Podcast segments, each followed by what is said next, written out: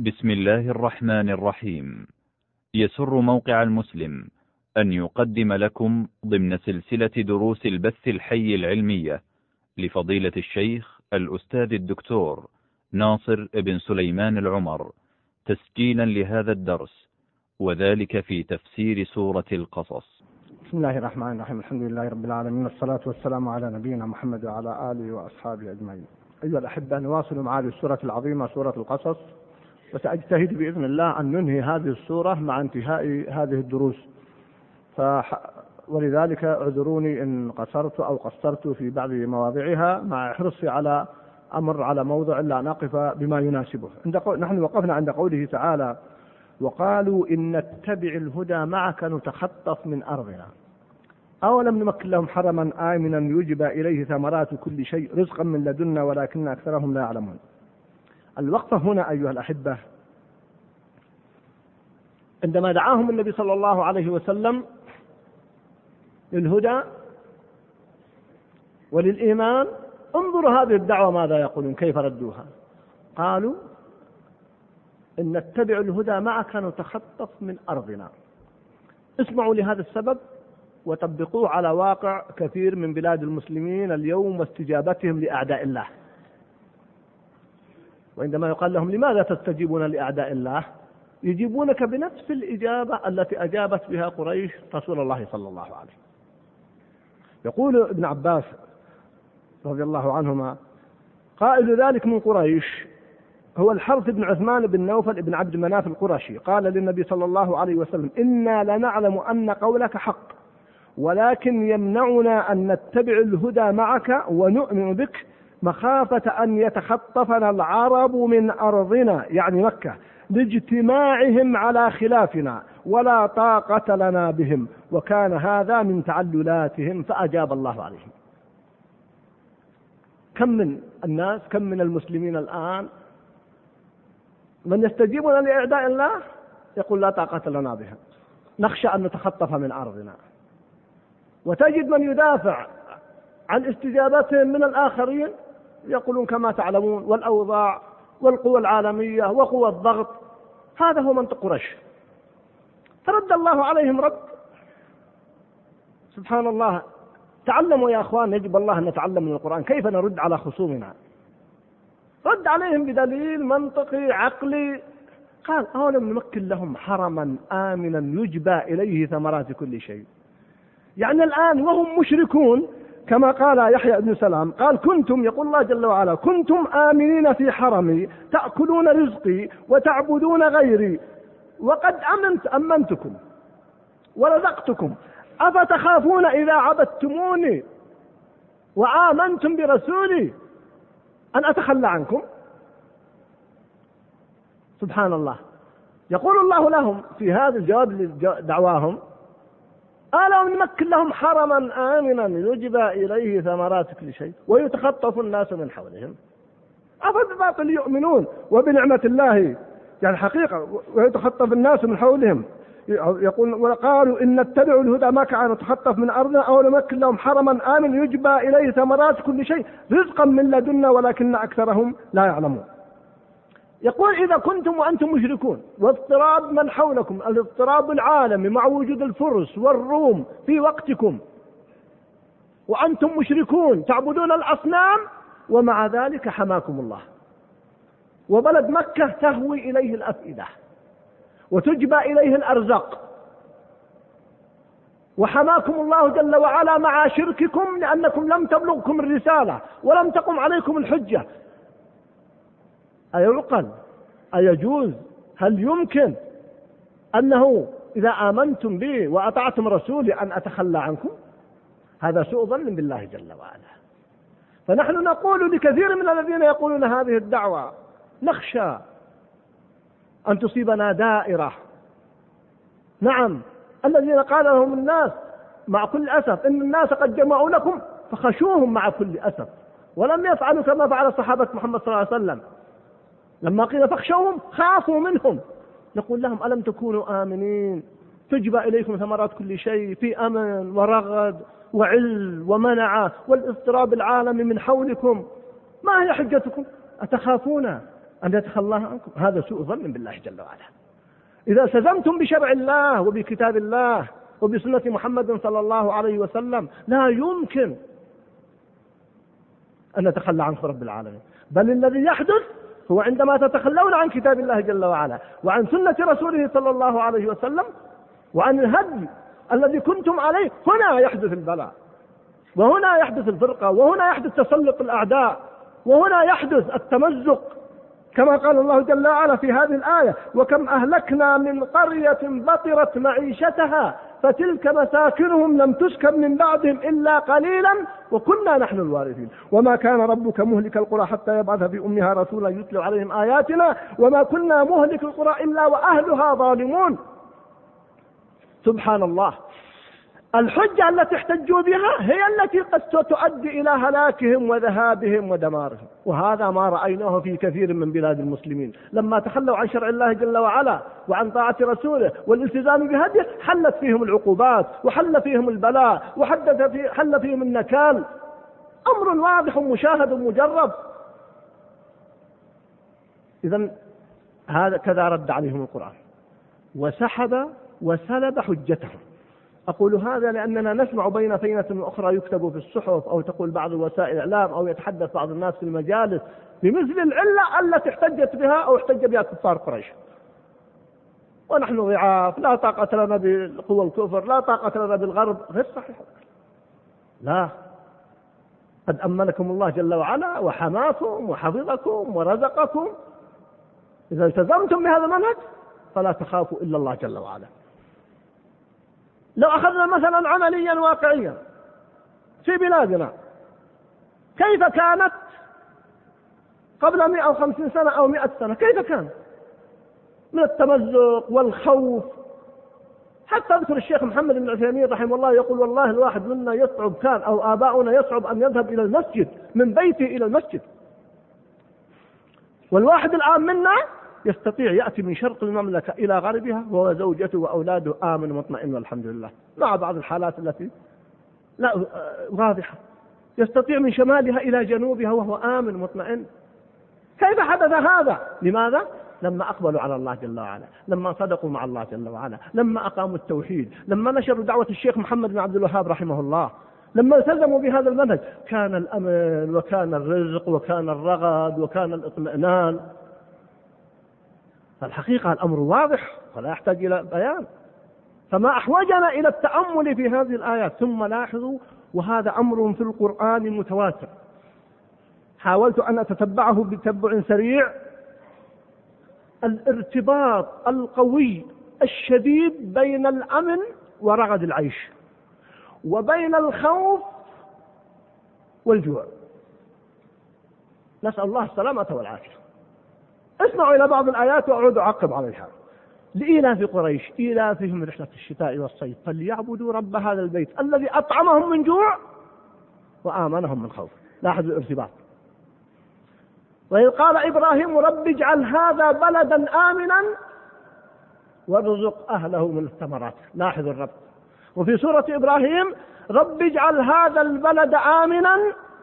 ثم قال في آخرها بعد أن دعا بهذه الدعوة وارزقهم من الثمرات لعلهم يشكرون بعدها بآيتين أو ثلاث نجد أيضا آية في سورة النحل جمع الله بها بين اجتماع الخوف والجوع واجتماع الأمن ورغد العيش. وضرب الله مثلا قرية كانت آمنة مطمئنة يأتيها رزقها رغدا من كل مكان. ما الذي حدث؟ فكفرت بأنعم الله. فأذاقها الله لباس الجوع والخوف بما كانوا يصنعون. ارتباط وثيق بين الأمن ورغد العيش. وبين الجوع والخوف. نجد من هذه الآيات في قصة لقد كان لسبع في مسكنهم آية جنتان عن يمين وشمال. كلوا من رزق ربكم واشكروا له. بلدة طيبة ورب غفور. إلى أن قال بعد ذلك سيروا فيها ليالي وأياما آمنين. ثم بعد ذلك فقالوا ربنا باعد بين أسفارنا وظلموا أنفسهم فجعلناهم أحاديث ومزقناهم كل ممزق قصة أيادي سبع. كيف تفرقوا؟ كيف كانت المرأة تمشي وهو الرجل من تحت الأشجار وفوق رأسه؟ أي إناء ما يصل نهاية الأشجار إلا وقد امتلأت لا يحتاج يرفع يده. ثم حدث لما كفروا بأنعم الله التفرق والتمزق حتى أصبح مثل تفرقوا أيادي سبع وتشتتوا في البلاد بعد أن كانوا في رغد وأمن وعيش. أتتركون فيما ها هنا آمنين في جنات وعيون وزروع ونخل طلعها هضيم؟ انظروا القرن بين الأمن وبين رغد العيش. ونحن رأينا هذا في بلادنا والحمد لله. الأمن ورغد العيش. ودائما الحكم بالمناسبة للحالة العامة ليست للحالة الخاصة. لا يخلو بلد من أحداث لا يخلو بلد من مصائب لا يخلو بلد من فقراء. لكن أتحدث عن الحالة العامة. فالناس في أمن ولا يزال الحمد لله. يستطيع أي واحد منكم الآن يركب سيارته وبعد العشاء يذهب إلى أي مكان. تبقى حالات استثناء نادرة أماكن معينة لا أتحدث عنها. رغد العيش بالجملة نعم هناك فقراء لكن رغد العيش هو الحالة الغالبة على الناس. مع وجود فقراء فقر شديد. نعم لا أحد نتصور أن لا يوجد أو أن لا نبالي بهؤلاء. كلا وحاشا. لكن فنخشى والله من هذا النبأ قبل ثلاثين سنة بالضبط أو تسعة وعشرين سنة زرت بلد من بلاد المسلمين. والله أيها الأحبة وأنا أمشي في شمالها وجنوبها ووسطها كنت أقول متى تصل بلادنا إلى ما وصلت إليه. هذه البلاد من الأمن ورغد العيش. شيء عجيب. وعشنا فيها عدة أيام مع بعض الزملاء. ذهبنا من الجامعة. ما مر على هذا الكلام ثلاث سنوات أو أربع سنوات ولا تبدأ الأحداث في تلك البلاد وإلى اليوم. من مصيبة إلى نكبة إلى بلاء إلى تمزق. قال بعض عقلاء تلك البلاد ما أصابنا ما أصابنا إلا بذنوبنا إلا بعد أن سب الله علانية فلم ينكر. فعاقبهم الله الآن منذ قرابة 25 سنة وهم من مصيبة إلى نكبة إلى بلاء. نسأل الله أن يرفع البأس عنهم. ووصلت الحال بهم إلى أن يأتي الرجل بأولاده يجمعهم ويطعمهم وجبة دسمة فيموتوا جميعا يسممهم حتى لا يعيشوا الذل كما يقول أو يخشى على عرضه. حالات وليست حالة واحدة. ولا يزال البلاء قائم. لم ينتهي بعد. هذه عبر عبر أيها الإخوة. ليس بيننا وبين الله حسب ولا نسب. ولذلك ما نحن فيه الآن من رغد عيش وأمن يجب أن نحافظ عليه. وأقول وكما قلت في أكثر مناسبة المحافظة على الأمن في بلاد المسلمين. وأخص هذه البلاد عبادة لله جل وعلا. نتقرب به إلى الله جل وعلا. لكن ما هو الأمن؟ هو الأمن الشامل الأمن المتكامل. الذين آمنوا ولم يلبسوا إيمانهم بظلم أولئك لهم الأمن وهم مهتدون. وليس الأمن بمفهومه الناقص عند بعض الناس. نخشى ما نسمع الآن ونقرأ ونشاهد في الصحف من الحملات والمداهمات التي تجري الآن في البطحة وغيرها. أمور تقشعر لها الأبدان. هذا أصبح لم يعد سرا علانية. يوميا الصحف تنشر قضايا رهيبة ومخيفة. مما يضبط رجال الأمن والهيئات جزاهم الله خيرا. وإدارة مكافحة المخدرات أين هي؟ تبعد عنا أمتار تقشعر لها الأبدان. إن كيف حدثت هذه الجرائم؟ كيف جلبت هذه المخدرات؟ كيف وقعت أوكار الفساد؟ كيف وقعت هذه الحالة الشاذة؟ آلاف الأفلام الفاسدة الفاجرة. وكما قلت لكم قبل قليل مثل ستار أكاديمي وما يحدث. والله إنني أخشى من عقوبة. والله نخشى من عقوبة. ربنا لا تؤاخذنا بما فعل السفهاء منا وإذا أردنا أن نهلك قرية أمرنا متر فيها ففسقوا فيها فحق عليه القول. فدمرناها تدميرا نخشى. ليس بيننا وبين الحسن والرسول انظروا ما يجري ويتخطف الناس من حولهم. ألا تلاحظون هذا؟ الناس يتخطفون من حولنا. في من يجاورنا. هل بيننا وبين الحسب والنسب لا والله لا والله. بيننا وبين الله. هذا الإيمان وهذه العقيدة إن التزمنا بها وحافظنا عليها فأبشروا بالخير ورغد العيش والاطمئنان واستمرار الخير إن تخلينا عنها. وحاشا وأعوذ بالله من ذلك وأن نرى هذا اليوم وتساهلنا فيها. وضعفت معالم الولاء والبراء وكثر السفهاء وأصحاب الشهوات والتقليد للغرب. فما بيننا بين حسب وحسب وهذه البلاد قبل كما قلت لكم أكثر من 100 سنة كيف كانت؟ كانت عدة دول وعدة إمارات كان لا يستطيع إنسان أن يحج بل لا يستطيع كما قلت لكم أن يذهب يصلي في بيته. في القرى المجاورة للرياض كان يصعب الإنسان ينتقل من قرية إلى قرية للخوف والنصوص. وهي هذه البلاد. فليس بيننا وبينها حسب ولا نسب. وكل هذا حتى بعد دعوة الشيخ لما تخلى في فترة من الفترات أهلها وضعفت علاقتهم بهذه الدعوة سلطت عليهم العقوبة. ولما عادوا إلى الله جل وعلا والتزموا بهذه الدعوة ونشروا هذه الدعوة والتزموا بها في مناهجهم وفي مساجدهم وهدموا القبور والمشاهد واجتهدوا في هذا الأمر عاد لهم الأمن ورغد العيش والطمأنينة وهو الذي الرغد الذي عشنا به نحن وبالذات جيلنا منذ ولدنا والحمد لله نحن في رغد عيش وفي أمن واطمئنان. لكننا نخشى والله لما نرى من علامات وما نرى من أمور. فيا أحبة الكرام إن المحافظة على هذا الامن واجب على كل فرد. وليست خاصة برجال الأمن أو رجال الهيئة أو غيرهم. كل منا مؤتمن على هذا الأمن ولكنه الأمن الشامل الواضح أمن العقول حتى لا يدخل إلى عقول أبنائنا ما يخالف منهج الله جل وعلا ومنهج الرسول صلى الله عليه وسلم. أمن الأبدان حتى لا يتسرب بيننا من المجرمين وغيرهم. إنها الأمن أيها الأحبة مسؤولية مشتركة. مسؤولية الأب مع أبنائه. مسؤولية المعلم مع تلاميذه. مسؤولية الم... كل مسؤول في مسؤوليته. والأمر عظيم ومخيف. فمن أجل أن نحافظ على ما نحن فيه ونتخلص من البوادر التي بدات وهي مخيفة إما بسبب شهوة أو شبهة. شبهة مثل مناهج الغلو التي وقعت وحدثت بها ما عكر الأمر أو الشهوه من مخدرات ومن لصوص ومن جرائم كل هذا باب الشهوات واسع جدا.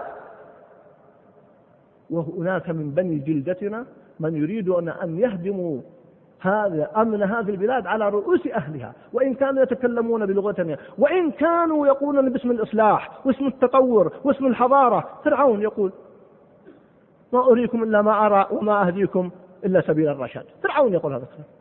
المنافقون وقت النبي صلى الله عليه وسلم يقولون يدعون الإصلاح وإذا قيل لهم لا تفسدوا في الأرض قالوا إنما نحن مصلحون ألا إنهم هم المفسدون ولكن لا يشعرون.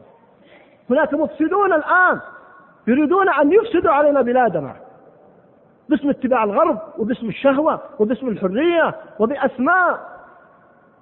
يصرحونها أحيانا ويكنون أحيانا إن لم يؤخذ على أيدي هؤلاء السفهاء فإننا نخشى أن يصيبنا ما أصاب غيرنا. فاتقوا الله أيها الأخوة في أنفسكم اتقوا الله في بلادكم اتقوا الله في أولادكم اتقوا الله في الأجيال القادمة اتقوا الله في إخوانكم المسلمين.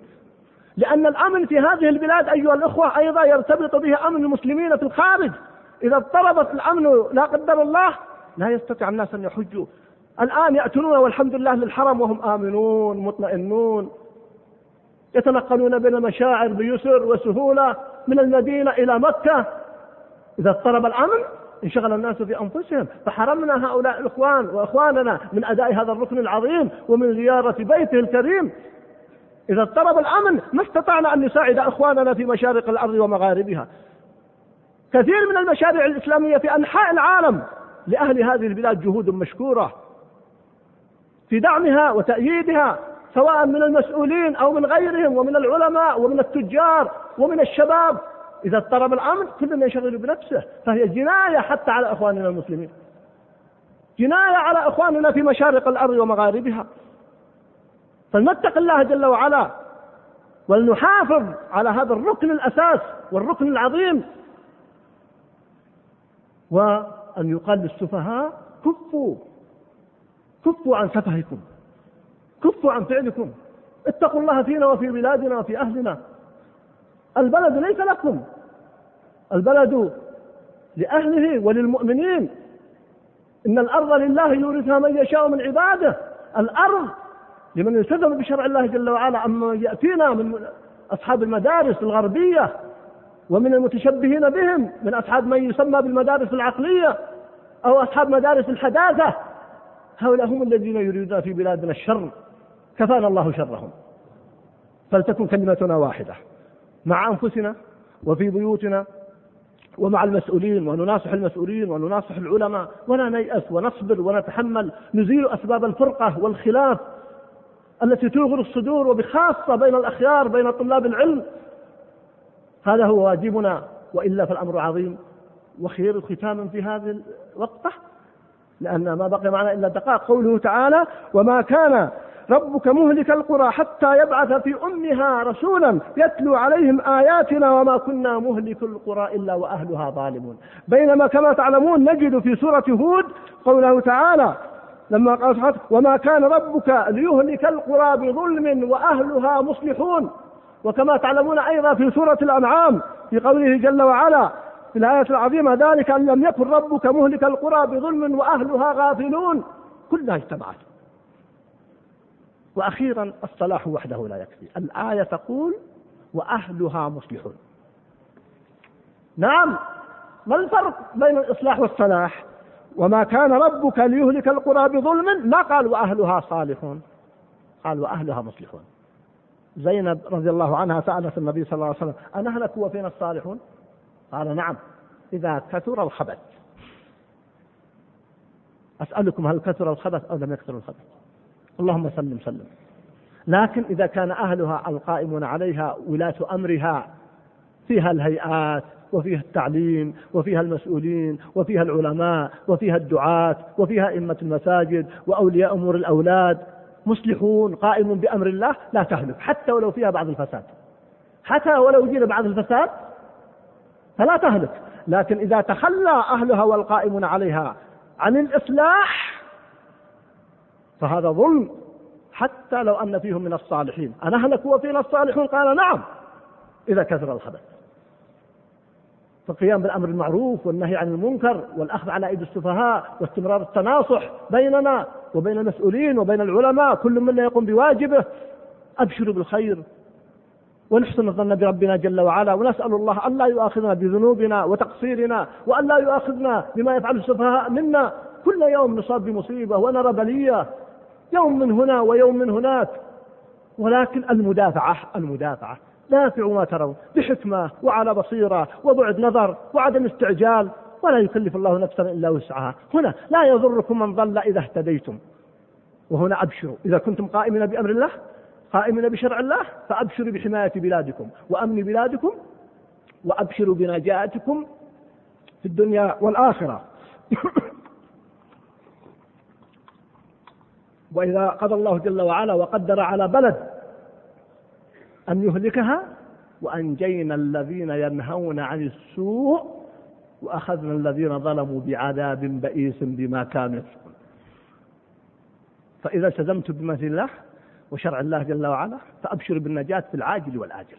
أبشروا بنجاة بلدكم وأهلكم وأبشروا بنجاة أنفسكم في العاجل والآجل وأعظم النجاة كما قلنا قبل درسين أو ثلاثة هو التزامكم بمنهج الله هو الثبات على هذا الدين هو الثبات على هذا الحق هذا هو موضوعنا بإذن الله في الحلقات التي قلت بعد العشاء بعنوان وما بدلوا تبديلا ولذلك رسالتي التي سأبدأها في تلك الدروس إن شاء الله في الدرس القادم بعد صلاة العشاء وما بدلوا تبديلا موجهة لمن؟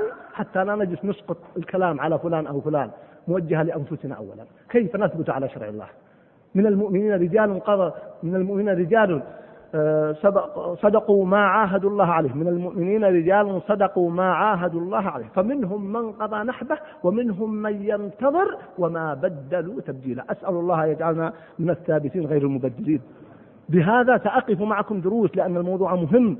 وكما تذكرون قبل سنوات أكثر من عشر سنوات ألقيت موضوع الفتور. لما أحسست ببوادر الفتور تجري في أوصال بعض الشباب وطلاب العلم وها نحن اليوم نعود مرة أخرى لموضوع آخر وما بدلوا تبديلا؟ يتحدث عن الاضطراب والاضطراب في المنهج.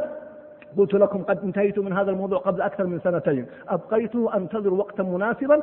أرى أن الوقت مناسب لإلقائه. فأسأل الله أن يوفق وأن يسدد وأن يفتح علي وعليكم وأن يثبتنا حتى نلقاه. أقول قولي هذا وأستغفر الله لكم. والسلام عليكم ورحمة الله وبركاته.